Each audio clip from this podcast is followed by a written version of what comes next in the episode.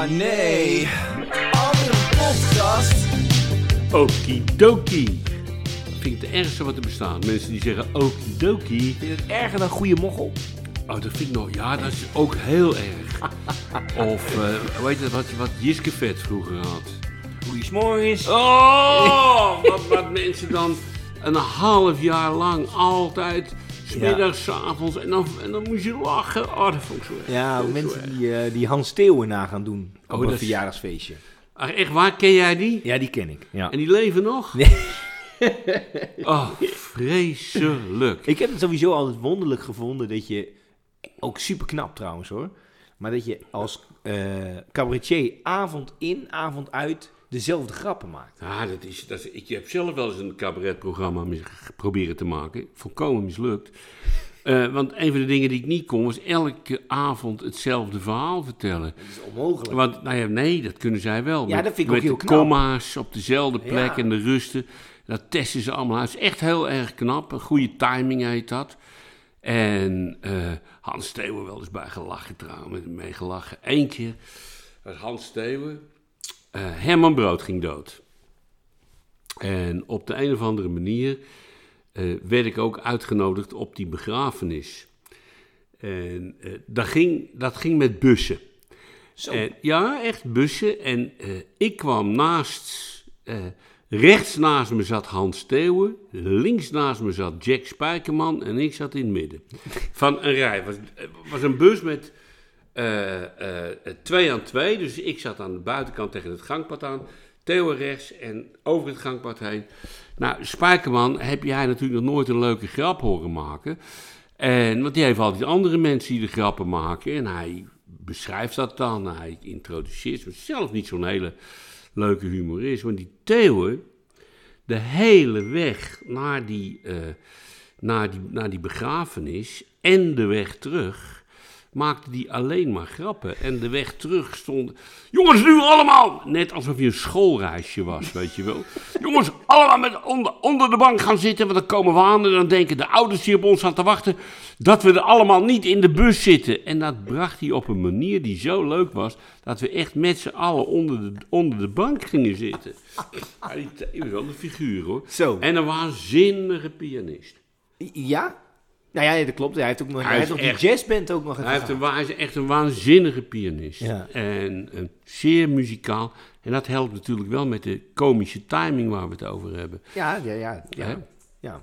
Het Maar is, op een gegeven moment was het toch ook toen, dat vond ik wel grappig, toen ging hij naar het buitenland toe, omdat hij het idee had dat iedereen überhaupt sowieso moest lachen. Dus toen ging hij, werd hij ook steeds absurdistischer, omdat hij dacht van, ze lachen toch wel. Ja, dat En dat, ik eigenlijk. ja, dat, dat had hij wel eens verteld, dat vond ik wel grappig, dat hij op een gegeven moment ging hij in het theater hele rare dingen doen en mensen moesten toch wel lachen. Dus Ja, ja. hij ging Dan ga je eigenlijk... de grens opzoeken van hoe, hoe lang kan ik leuk blijven, eh, blijven mensen lachen, wat ik ook doe. Ja, en, Dus op de duur kan je dan gewoon een heel serieus verhaal vertellen. en moeten mensen toch En lachen. dan moeten mensen toch lachen. Daar zijn, eh, ja, daar zijn... Kijk, op de clown, de, de, de clown die zwaait. Die, eh, ken, je dat verhaal van de clown die zwaait terwijl Nee. hij aan het verdrinken is? Oh, nee, maar dat, is lachen zeg. Ja, ja. het is een heel, heel, eigenlijk een heel verschrikkelijk verhaal. Maar het gaat over een, een clown. eh, het is een gedicht, ik weet niet meer van wie. Maar het gaat over een clown die uiteindelijk in de branding staat te zwaaien. En iedereen moet lachen omdat hij denkt dat hij Die grappen clown, maakt. ja, ja. Maar hij is aan het verdrinken. Hij zwaait om hulp. Ja, Ja, oh, het is natuurlijk een heel tragisch verhaal. Maar dat Ja. is, op een gegeven moment, nou ja, ik wil niet zeggen dat het hetzelfde is. Maar Hans Steeuwen is toen in het buitenland op gaan treden in, in, in Amerika en zo. Om weer dat, die kick te krijgen, om mensen aan het lachen te maken.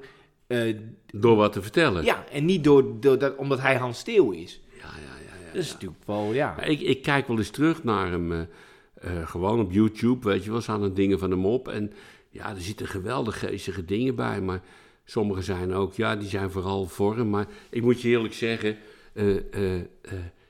ik, kijk, ik kijk wel eens vaker cabaretiers terug. En er zijn er maar weinig die de tand destijds overleefd hebben. Als je Jiske vet terugkijkt, is het toch vaak ongelooflijk gedateerd. Coat en Bie daarentegen zijn niet zo gedateerd, maar die zijn traag. Ja, ja. Snap ja. je?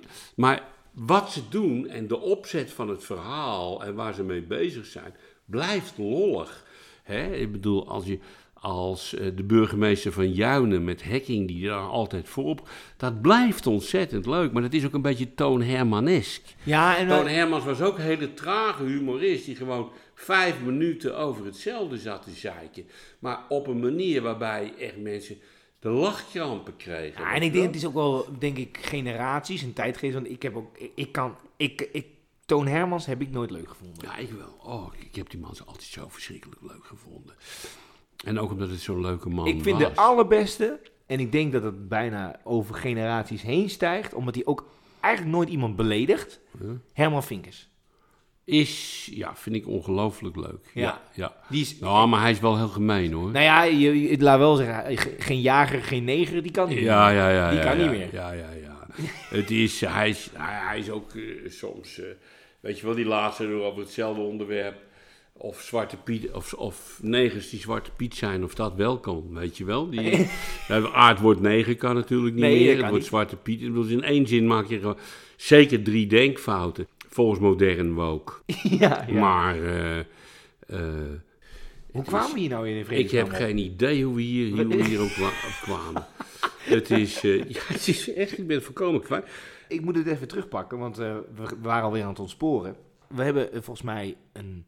Hebben wij een reactie gehad? Ja, we kregen klachten. Serieus? Klachten. Ach, gossie, Ja. dat zijn de ergste We hebben namelijk in, eh, Zeiksnorren met die klachten. af- Ga dan naar iets anders luisteren. Met Nou, eh, klachten. in aflevering 15 Ja, hadden we, dat ging over zussensteden. ja. Eh, had jij beloofd dat je het zou hebben over menstruatiearmoede? Oh, gossie. En daar heb je het nooit meer over gehad. Ja, ja, ja. Jij ook niet, hè? Nee, ik ook niet, maar ik heb daar We ook geen zijn, last we zijn, van, we zijn, nee, ik ook niet. Eh, hoewel, tegenwoordig de Universiteit van Twente geeft nu eh, gratis menstruatieproducten voor mannen en vrouwen. Ook voor mannen. Ja, want die, ze hebben daar namelijk ze hebben daar een heel groot onderzoek gedaan. En er is nu bewezen dat mannen ook kunnen menstrueren. Dus eh, dit is geen grapje. Sorry. Dus zij, eh, zij geven dan gratis menstruatieproducten aan vrouwen en mannen. Ja. Kortom, aan iedereen, aan mensen die menstrueren. Nou ja, nou, en nou, nou is menstruatiearmoede, vind ik ongeveer het meest armoedige eh, vorm van armoede die er bestaat. En waarom? Omdat het bedacht is om subsidies binnen te slepen. Ja, Kijk, wel, ja. je, je hebt tegenwoordig, en daar heb ik zelf last van, eh, heb je energiearmoede. Ja, Ik betaal in plaats van 327, 987 euro per maand voor gas. Want elektriciteit heb ik helemaal voor niks. Ja. Ik heb zonnepanelen. Maar goed, een, eh, een vrijstaand huisje op de wind. Dus, dus dat telt lekker aan. En dus je hebt mensen die hebben dan, eh, die hebben dan energiearmoede. Je hebt mensen die hebben eh, te weinig geld om hun kinderen eh, een ontbijt te geven als ze naar school gaan. Die hebben dan eh, etensarmoede. Kortom, je hebt een hele hoop soorten. Er zijn mensen die hebben geen geld meer om naar de kapper te gaan. Die hebben dan haararmoede. Ja. En elke keer als je een soort, als je een nieuwe vorm van armoede bedenkt, je hebt ook mensen die geen geld meer hebben om naar de tandarts te gaan, die hebben tandarmoede, dan gebeurt er het volgende. Er komt een stichting, wordt opgericht, en die stichting heeft als doel, laten we het even houden bij de menstruatiearmoede, om de menstruatiearmoede een halt toe te roepen. Eh, daarvoor wordt een stichting opgericht. Die krijgt een ANBI. Een ANBI-regeling betekent dat je er geld aan mag geven. En dat geld kun je aftrekken eh, van de belasting anderhalf keer. Dus je schenkt er 10.000 euro aan. Je mag 15.000 van de belasting aftrekken. Dus het kost je niks. Ja. Dat heet de ANBI-status. Eh, dat is echt, dat is, dat is een vorm van oplichterij. Dat, Raar. dat, ken je de ANBI niet? Nee, kom ik zo op terug. Hou, Ja, hou hem even vast. Ga door, ga door. Nou, dan ga je dus een stichting oprichten. Die stichting die heeft een stichtingsbestuur. Een stichting mag geen winst maken, maar een stichting mag zelf bepalen hoeveel ze de bestuursleden betalen. Dus die stichting heeft bestuursleden die heel veel geld krijgen van het geld wat ingezameld wordt om de menstruatiearmoede te bestrijden. Eh, dan verdienen daar dus mensen heel veel geld aan. Die stichting kan ook. eh, dan zijn er ook nog mensen bij menstruatiearmoede echt gebeurt. Die zeggen dan nou. Wij willen hier wel een film over maken. Op. En die, die maken hier dan, wacht even, een film over. Die wint een eervolle vermelding eh, bij het, festival, het filmfestival van Berlijn. Geen grapje wat ik nou zeg. die film heeft natuurlijk heel veel geld gekost. Is ook maanden aan gewerkt door allerlei ja, mensen die die menstruatiearmoede eh, eh, duidelijk, maar niet al te schokkend in beeld willen hebben. Liefst bij een vrouw en een man. Hè, het is een, en dan maak je dan een film. En voor die film moet je subsidie aanvragen. En die filmmakers leven van subsidie. Dus je ziet dat rond die vorm van armoede er ongelooflijk een heel verdienmodel ontstaat. En daar heb ik een hekel aan. Je hebt ook speelgoedarmoede. Hè? Die speelt bijvoorbeeld in landen, eh, ook in Nederland. Hè? Je hebt allemaal van die stichtingen van, ja, mensen die, hebben te weinig geld om, mensen, eh, om kinderen met Sinterklaas een cadeautje te geven. Laat staan met kerst. En eh, nou, dan ga je een stichting ga je oprichten om geld in te zamelen. Eh, kijk, cadeautjes is te concreet. Geld in te zamelen eh, om, die, om die cadeautjesarmoede te bestrijden. En, je, en jij wordt voorzitter, ik word secretaris penningmeester. Jij staat voor een ton op de loonlijst en ik voor 50.000 euro. Maar dat is toch met- En dat gebeurt dus echt. Ja. Dus, en al die vormen van armoede die uitgevonden worden, zijn dus allemaal verdienmodellen. En, want er is maar één soort armoede, dat heet namelijk armoede. Als je namelijk armoede hebt, dan kan je geen eten voor je kinderen kopen. Heb je geen, geen geld om cadeautjes te kopen. Heb je geen geld om menstruatieproducten te kopen. Heb je geen geld om een nieuwe... Nou ja, je hebt kortom gebrek aan geld. Je hebt ook te weinig geld om de energierekening te betalen. Maar, daar zijn het laatste is gelukkig niet erg meer, want we worden overspoeld met wetenschappers die zeggen dat het hartstikke goed is als we gewoon lekker in de winter lekker koud hebben. Dat is goed voor onze weerstand. Ja, dat zijn, ja, die, die, die, die NSB'ers heb je. Dan zijn er mensen die, die helaas geen fatsoenlijke verwarming meer kunnen betalen. De zielenpoot. En dan ga je zeggen dat het goed voor ze is. Ja. En dan, eh, dan zeg je dat uit naam van de wetenschap. En dan zeg ik uit naam van de wetenschap, als het ergens kouder dan 18 graden in huis is, krijg je met name in oude huizen enorme schimmelvorming. Dat is heel slecht voor je longen, zeg ik als, als astmapatiënt. Maar dat telt dan ineens niet meer. Maar is het sowieso niet met goede doelen trouwens? Dat, eh, ja, klinkt misschien heel onaardig, maar 9 van de 10. Kijk, het pro- probleem is natuurlijk met al die goede doelen. Dan heb je zo'n zo'n zo'n jochie op straat staan die je dan probeert dan een abonnement te verkopen voor een goed doel. En die wordt ook betaald. Ja, en er waar zit ook een bleef, het daar maar bij. Nee, dat gaat Het veel is, verder. Ze komen tegenwoordig langs de deur en dan... Ik had er pas een toevallig voor het astmafonds. Of ik dan... eh, ik, nou ja, vooruit, weet je. Eh, dus ik wou twee tientjes geven. Dat is de bedoeling niet. Nee, je moet een abonnement. Je moet, een, je moet elke maand twee Ja, tientjes geven. ja, ja. En eh, later kwam er iemand, en die kende ik toevallig. En die had bij mijn dochter op school gezeten. En die kwam ook iets, ik weet niet meer waarvoor, uitvinden. En die heb ik even eh, onder de koffie gezet. En die zei dat hij het, eh, de helft van het bedrag krijgt. wat het het eerste jaar oplevert. Dus kies jij, eh, laten we zeggen, zielige ezeltjes in Spanje. Hè, die geholpen moeten Ja. worden. Of, hè, want die worden dan, die anders gaan ze naar de slacht. En dan moeten mensen een tientje per maand betalen, wat weinig is. Nou, dat blijven ze dan doen. De helft is voor degene die het aanbrengt, die ook een uurloon heeft. Dus die verdient de helft is het eerste jaar. Nou ja, Dan is er nog wat, dan krijgt het bureau nog wat. ook Dus nog. het, e- ja, dus het, het eerste jaar, daar wordt de inkomsten, wordt twee derde van weggegeven aan, aan, de, aan de organisatie die werft. Ja. En als je dan twee, drie jaar lid bent, is het tweede en derde en Ja. vierde en vijfde jaar, is dan voor het goede doel.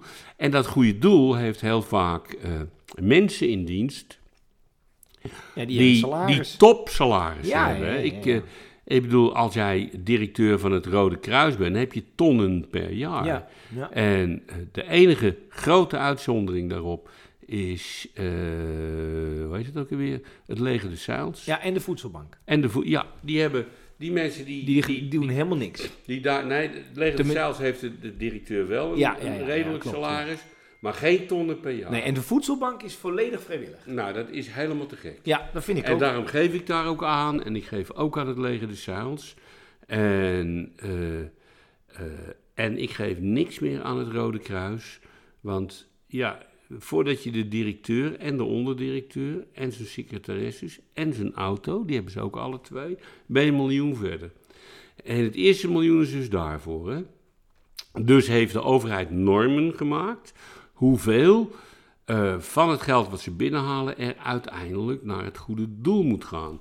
En daar zijn, nou, een, een, een, een vuistregel is, is dat eh, de 90% naar het goede doel moet gaan. Maar let wel, als jij eh, tientallen miljoenen binnenhaalt, Ja, dat is nog steeds heel Kruis, veel. is nog steeds heel veel geld wat naar de organisatie gaat. En er zijn, en dat zijn dan de niet erkende goede doelen. Je kunt een erkend en een niet erkend. En die geven 90 cent van elke euro die ze binnenkrijgen uit om euro's binnen te slepen.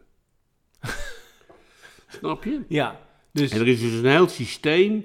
Maar dat zijn dan de, de echte slechtste goede doelen. ja, precies. Maar er zijn, er zijn er volop die echt, eh, die echt eh, nou ja, als jij directeur van het Prins Bernhard Fonds bent, ook een ambi, dan, eh, dan ben je heel gelukkig. En ik zal even uitleggen wat een ambi is. Dat had ik beloofd. Eh, dat is een, een speciale belastingstatus die je krijgen kunt.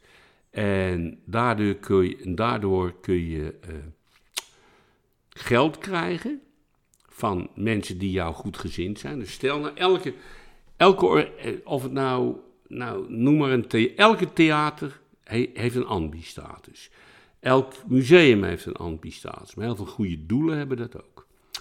En dat kun je dan aanvragen. Dan kunnen mensen geld schenken en dan kunnen ze 150% van de belasting aftrekken. Dus dat geld kost je eigenlijk, dus wat, je- wat ze dan geven kost niks. De belastingbetaler betaalt het grotendeels. Ja, je krijgt dus je geeft een ton terug. en dat kost je dan vijf- 5000 euro netto, want de rest krijg je allemaal via de belastingen terug. En die ambi-status worden, worden op een gigantische manier misbruikt. Eén heel beroemd misbruikgeval is eh, over een Rembrandtje. Eh, iemand hangt, bij iemand thuis hangt een Rembrandt, die wordt gewaardeerd op 50 miljoen euro. Die Rembrandt wordt ondergebracht in een stichting. Die stichting heeft een ambi-status. Van die stichting is degene waar, waar de Rembrandt aan de muur hangt zelf de voorzitter. Dus zijn vrouw is secretaris penningmeester. Daardoor eh, onderdeel van, nou het ondergebracht is in die stichting met ambi-status, is dat de waarde van het schilderij over een x aantal jaren afgeschreven kan worden van de belastingen. En 50 miljoen afschrijven van de belasting, hoef je geen belasting meer te betalen. Voorwaarde is ook dat het schilderij tot in de eeuwigheid mag blijven hangen waar het hangt en overgaat naar de erfgenomen van de mensen eh, die de stichting hebben. Dus je hebt een schilderij, dat is van jou, dat blijft gewoon altijd bij jou in de familie. Je En op die alleen je kan het geld hele bedrag, de waarde ervan, kan je van de belastingen aftrekken. En let wel, als je multimiljonair bent en je mag 50 jaar lang, ik noem maar, misschien is het 100 jaar, een miljoen per jaar aftrekken, betaal jij geen belasting meer. Nee. Dus mensen die een mooie kunstcollectie hebben, die zijn slim genoeg om een, om een stichting op te, met een ambi-status aan te vragen. En dan En zijn maar ze, maar ze er zelf gewoon van genieten. Dat is dus misbruik van dat ambi. Ja. Maar ja, dat, daar, daar, weet je, ik weet niet of je het eh, onlangs las. Wetgeving is natuurlijk om er misbruik van te maken. Een hele goede manier om geen, geen, eh, geen stervensbelasting te betalen, hè, Ja, ja, ja. is om, als je kinderen hebt, om die al eigenaar van het bedrijf te maken. Al eerder. Dus jou, de, nee, als ze geboren zijn. Ja, precies. Ja, ja, ja. Dus je, dus je maakt een, hè, dus jij hebt een bedrijf en dat wordt formeel gerund eh, en die geef je ook alle aandelen ervan door een baby. En jij, ja, je- vanaf de nulde jaar, Ja. eh, jij, alleen die baby is natuurlijk zelf niet handelingsbekwaam, dus dat zijn de ouders ervan. En die baby moet ook gewoon belasting betalen. Alleen als die ouders doodgaan, komt er geen schenkings- en erfrecht meer. Want die is al van hem. Ja. Snap je? Ja. Dus dat gebeurt in Nederland bij honderden bedrijven. En iedereen weet dat het natuurlijk, de wet is, het, is hier niet voor ontworpen om het schenkingsrecht, eh, wat je er ook van vinden mag, hè, erfrecht, is niet ontworpen om het te ontduiken. Maar dat gebeurt aan de lopende band. Dus een ambi wordt misbruik van gemaakt, het erfrecht wordt misbruik van gemaakt. Is er, er is eigenlijk geen enkele belastingvorm waar geen misbruik Ja, van precies. gemaakt wordt. En dat heet dan heel vaak met een understatement belastingontwijking. ja, in plaats van ontduiking. En het leuke is dat eh, ont- ontwijking ontduiking kan worden. Want bijvoorbeeld, eh, ik meen dat het McDonald's was, maar in ieder geval zo'n soort bedrijf was het. Die ontweken belasting, totdat de wetgever dat is helemaal uitgezocht. En zei, ja, die is niet ontwijken, die is ontduiken. Dus je noemt het zelf ontwijken, maar het- je maakt zo'n ingewikkelde constructie dat de Belastingdienst zegt, nou laat me zitten. Totdat iemand denkt, kom we gaan het eens uitzoeken. Dan blijkt je het ontdoken te hebben, moet je alsnog belasting betalen. Maar vaak blijft het ontwijking. En daar zijn alle grote bedrijven ontzettend goed in. Ja. En, ja, dat zijn natuurlijk mensen die, daar, eh, die daarvoor doorgestuurd in nou ja, de, de hele Zuidas zit vol met Ja. dat soort volk. Ja, ja. Mijn dochter zou het ook kunnen. Die, weet, die, die heeft dat gestudeerd, eh, geld. Die snapt er allemaal niks van. Maar die weet precies hoe je geen belasting hoeft te betalen. En daarom wil ze niet voor organisaties werken die, die dat nastreven. Want die is van de gezonde mening dat als je geld verdient, je niet kinderachtig moet zijn. Maar dat de zwaarste schouders dienen het zwaarste te dragen. Dus bedrijven dienen ook gewoon belasting te betalen. Maar in Nederland, multinationals betalen geen belasting hoor. Of heel erg weinig. Daarom er is dan- U2 en, de, zit, en, de, en de Rolling Dat Stones zit, dat zit allemaal hier in Julio Iglesias. Ja, Op de, op, de keizers, eh, op de Keizersgracht in Amsterdam, nummertje 47. ja. Ja, nee, ja. Maar ja, dan... Maar even En terug... die hebben geen last, die hebben geen last van, eh, van armoede hoor. Laat staan van de menstruatiearmoede hoor. Maar terug naar de basis. Zou je, zou je vinden dat, vind je wel dat er gratis eh, menstruatieproducten moeten komen? Nou ja, ik vind, ik, eh, eh, dat ligt eraan. Nee, eigenlijk niet. Ik vind dat mensen een voldoende inkomen moeten hebben, waardoor ze zelf menstruatieproducten kunnen kopen. Aan de andere kant, mochten mensen de behoefte hebben om eh 1000 kilo tampons in te kopen en die op een kastje eh, op straat leggen onder het motto neem maar mee, ga gerust je gang. Ja. Snap je? Maar het is geen taak van de overheid of zo. De overheid dient armoede te bestrijden. De overheid dient ervoor te zorgen dat de, dat de belastingafdracht van dien aard is van arme mensen, dat ze eerder geld toekrijgen dan dat ze geld moeten betalen. En, eh, en eh, voor zover de overheid een taak heeft, moet je ook zorgen dat mensen voldoende geld, voldoende inkomen hebben, waardoor ze geen menstruatiearmoede hebben, waardoor ze geen eh, tandarmoede hebben, waardoor ze geen haararmoede hebben, waardoor ze geen energiearmoede hebben en waardoor ze ook gewoon elke dag, drie keer per dag, eh, een fatsoenlijke maaltijd kunnen kopen. Maar dat moet je niet. Kijk, mensen die, die, die menstruatiearmoede hebben, hebben natuurlijk ook tandpasta-armoede. Ja, die hebben ook eh, toiletpapierarmoede. Toch? En die heb je ook altijd nodig. En ja, heb je dus, ja, en dus ik, belachelijk duur toiletpapier. ja, is ook belachelijk. duur. Slaat Dus helemaal nergens het is wel een idee. Wij kunnen nu het, het moeten we toiletpapierarmoede aankaarten, daar een, een stichting voor beginnen, een ambi-status en dan gewoon zorgen dat al die mensen met te weinig geld eh, eh, per jaar 25 rollen toiletpapier krijgen. En dan gaan wij dan tussen zitten met het geldelijke bedrag van een rol of 20 Ja, nou ja, ik moet wel... per persoon, hè? Ja, maar ik moet wel zeggen, dat ik, eh, ik heb niet genoeg aan 25 rollen per jaar hoor. Nee, eh, per persoon die wij wat geven. Oh ja, oh, ja. En dat zijn geen letterlijke rollen, dat is de prijs van Oh, ja, 20 ja, rollen. Ja, En eh, wat zouden 20 rollen kosten? Een eurotje of 20? ja het is echt... Ja, nou, ja, je hebt natuurlijk wel van dat schuurpapier, maar je wil wel een beetje... Die wil wel een beetje, wel drie lagen. Ja, minstens drie lagen. Wil jij veel meer? Ik, drie lagen ga ik net niet met mijn vinger doorheen. Nee, maar ik, ik vouw hem nog een keer dubbel ook. Oh, gosje. Ja, ja, ja, ik, ben ook. een groot verbruiker ik hoor. ook, ja, Ik ik, ook. vouw ook dubbel. Maar ben je een vouwer of een propper? Ik ben een eh, vouwer. Ja, ja ik vouw ze dubbel en dan, eh, en, nou ja, eh, wat mensen ook zouden kunnen doen, is natuurlijk in plaats van toiletpapier te gebruiken, dat is een armoedetip, doen wat Javaanse mensen ook doen en wat Chinese mensen doen.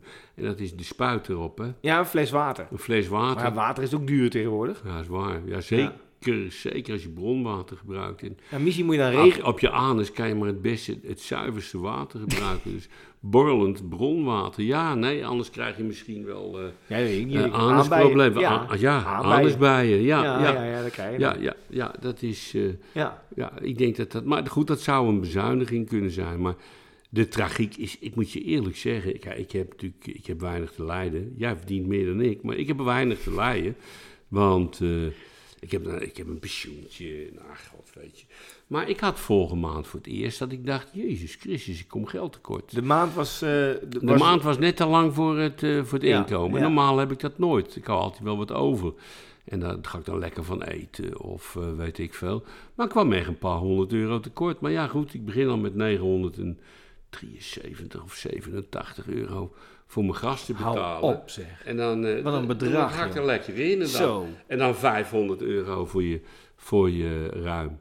Voor je, voor je zorgverzekering. Want hoe ouder je wordt, hoe meer je betaalt. Ben je al 1500 euro kwijt. Hé, nou niks, hè. Ja. En ja, dan heb je eh, gas. dan heb je gas. Heel duur gas. En, en je mag naar de dokter toe. Ja. Ja. ja. En dan ben je 1500 euro kwijt. Er zijn mensen die je niet verdienen. Nee, helemaal. nee, hou op. Nou, maar je, je zegt wel, ik, ik, ik, ik verdien zeker niet slecht. Ik mag echt niet klagen. Maar ook bij mij is de maand soms te kort, hoor. Of te lang. Serieus? Ja, ja, ja, ja, ook. Wat doe jij voor rare dingen? Ja, paarden. Oh! Ja, daar zijn ze weer. Ja, ja, ja. Nee, nee, maar ik bedoel, Serieus? Ik, denk dat... En, eh, en merken die paarden dat, als ze tekort komen? Nou Ja, Daar stuur ik Bolien langs, die gaat praten met je paarden. dat is iets, En iets Bolien, moeten zijn. ja, dat, is, dat je gewoon beeld moet geven. en ik ken een verhaal van hoor, dat, een, dat, dat is serieus hoor. Ja, ik kom bij zo'n paard hoor, en die had altijd eh, het bepaalde, bepaald hooi.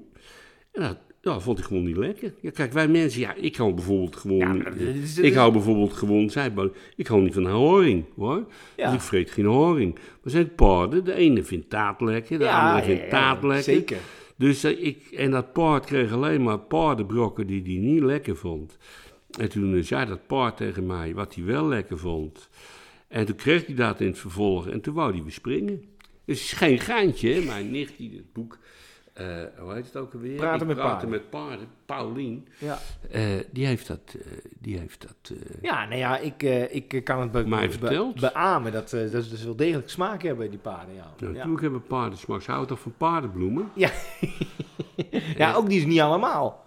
Ah, dat meen niet. Nee, nee, dat zijn is... er bepaalde bloemen die ze laten staan? Of Ja. zijn er bepaalde paarden die niet van paardenbloemen Nou, dat. Maar bijvoorbeeld een paard eet bijvoorbeeld geen Sint-Jacobs-Janskruid. Nee, moet, moet ik het goed zeggen? Sint-Jacobs-kruiskruid. Want eh, daar gaan ze dood aan. En dan weten ze dat, hé, dat ze. is Sint-Jacobs kruiskruid, Dat niet eten, ga ik dood. Ja. En het bizarre is... dus- En, En dat, weten ze al, dat is ingeboren. dat is ingeboren. Ja, ze weten dat beter dan wij. Alleen wat... eh, Ik zou niet weten hoe Sint-Jacobs... Ja, ik ken, het, ik, Kruiskruid ken het eruit onder- ziet. ik ken het ondertussen als geen ander. Ik heb een heel weiland leeggeplukt. Maar het bizarre... Waarom zou het leegplukken ze er toch omheen Nou, eten? als je het hooit en je haalt het, eh, het is Ah. gedroogd, dan herkennen ze het niet. En als ze het dan eten, dan, gaan ze dood. Ja, Oh. ja. En is dat veel werk? Omdat, eh, ja, dat is een verschrikkelijke klus. En het, dat, is, dat is best wel een leuk verhaal. Eh, je ziet natuurlijk allemaal van die prachtige bermen en daar wordt allemaal, Ja. eh, wordt allemaal bloempjes gedaan. Dat is Ja. supergoed voor de biodiversiteit. Ja. Maar je ziet nu ook heel vaak, als je om eenmaal de Sint-Jacobs kruiskruid herkent, dat is een geel bloemetje met een soort rafelig rucola-achtige steel, of, hem blaadjes. ja. Je ziet er voor je met iets paarsige gloed zit er in die steel. Oké. Paarsige. Die zijn ontzettend giftig. En, maar ja, we worden natuurlijk... De berm snoeien wij niet meer. Nee. Wacht, ik, dus hij groeit in de berm en dan, wordt het, en dan waait het over in de velden en dan Ja. gaan de paarden eraan dood. Precies. Maar nu hebben we het, het, de, Ja. de pech is dus, eh, dat, ja, dat, dat is een verschrikkelijk irritant plantje natuurlijk, want er gaan dus paarden aan dood. En, maar ja, het is ook een plantje waar dus eh, bij... nu- Beschermd. beschermd natuurlijk. Nee, dat is niet beschermd, maar Oh. het voordeel is nu dat ze erachter zijn gekomen dat het, ook bijen hebben er last van.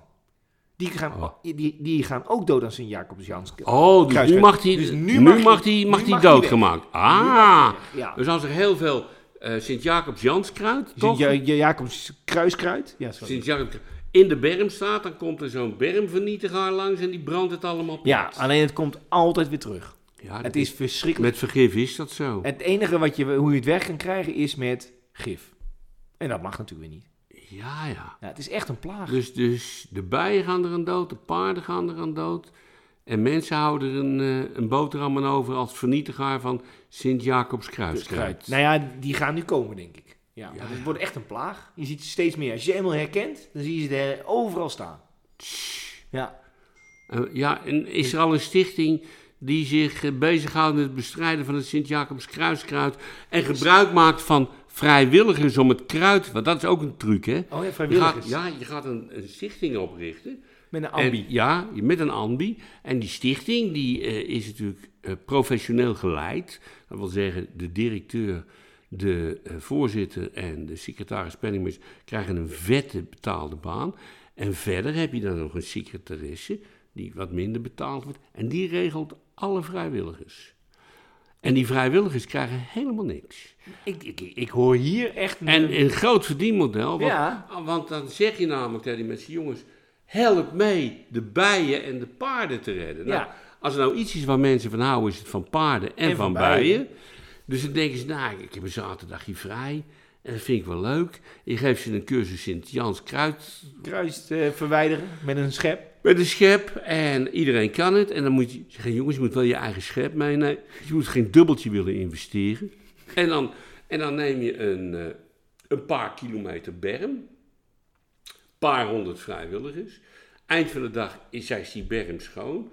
Dan haal je eh, het NOS-journaal bij en nog een paar van die dingen. En natuurlijk wordt gelijk de naam van de stichting twintig keer genoemd.